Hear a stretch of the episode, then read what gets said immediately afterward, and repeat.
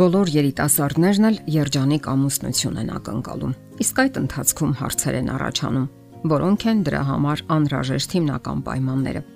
Առաջիններից մեկը, որ նշում են մասնագետները, սեփական անձը ճանաչելը եւ բնականաբար այդ ճանապարհին սեփական սխալները ճանաչելն ու ընդունելն է։ Միգուցե դա տարօրինակ թվա, սակայն հակառակ դեպքում ոչ մի ամուսնական միություն չի կարող կայանալ։ Մտածել, որ մենք կատարյալ ենք եւ անսխալական, պարզապես մանկամտություն է եւ երեխայություն, եւ շատ ընտանիքներ քայքայվում են նման մտածողության արդյունքում։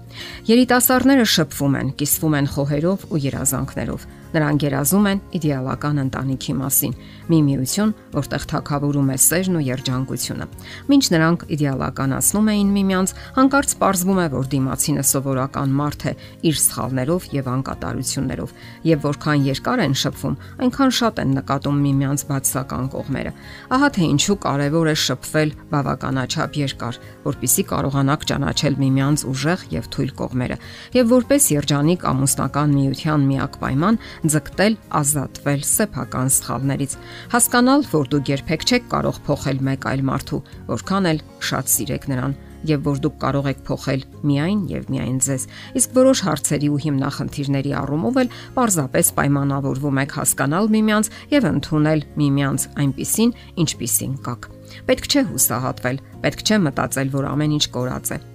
Իհարկե կան բացասական գծեր, որոնք դիմացինի մեջ նկատելու դեպքում խորհուրդ չի տրվում ամուսնանալ այնքան ժամանակ, քանի դեռ նա չի որոշել դրանք թողնել։ Օրինակ, ասենք անհավատարմությունը, ալկոհոլի հանդեպ սերը, կոպիտ բռի վերաբերմունքը եւ այլն։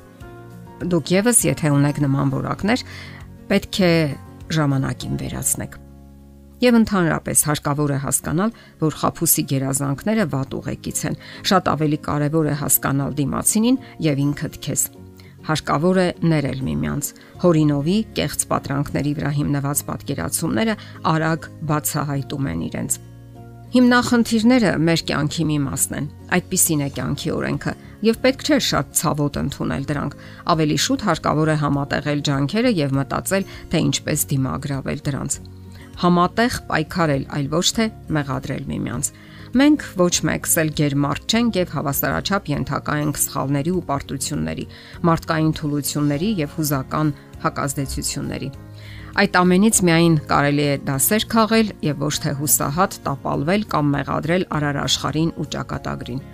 Պարս ճշմարտություն է, որ ոչ մեկի ուղին մյուսին նման չէ ամեն մեկն անցնում է իր անկրկնելի ուղին, որ յուրովի է հետաքրքիր ու գեղեցիկ։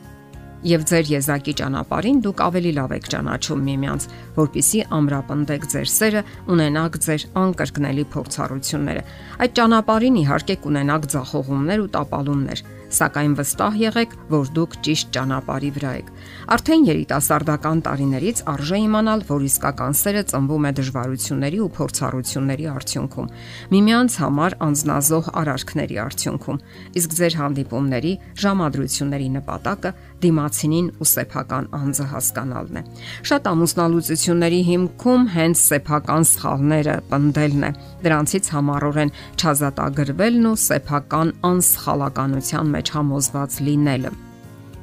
Հասկանալի է, որ ձեր դիմացինի որոշ արարքներ կամ սովորություններ կարող են նյարդայնացնել ձեզ, սակայն հիշեք, որ ձեր որոշ արարքներ եւս կարող են հունից հանել դիմացինին։ Այնպես որ լավ մտորեք այդ ամենի մասին։ Ձեր հանդիպումների ժամանակ կարող եք քննարկել դրանք եւ ամենակարևորը՝ պետք է պատրաստ լինեք բնավորության վերափոխման։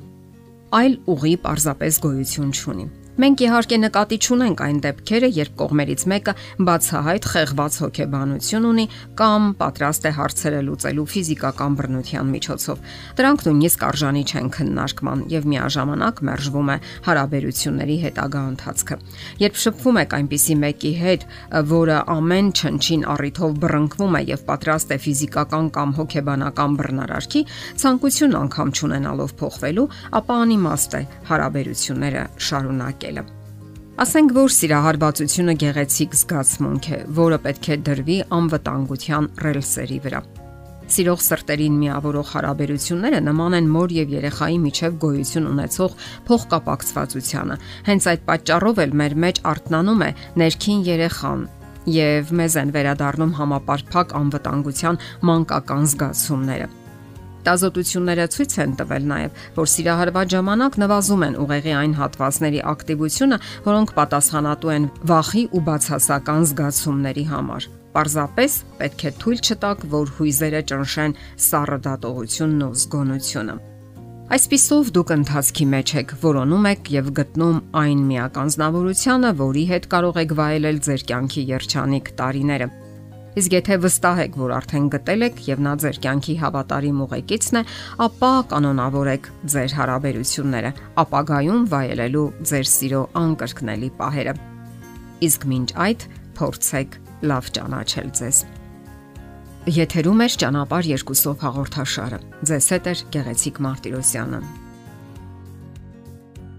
Հարցերի եւ առաջարկությունների համար զանգահարել 033 87 87 87 հեռախոսահամարով։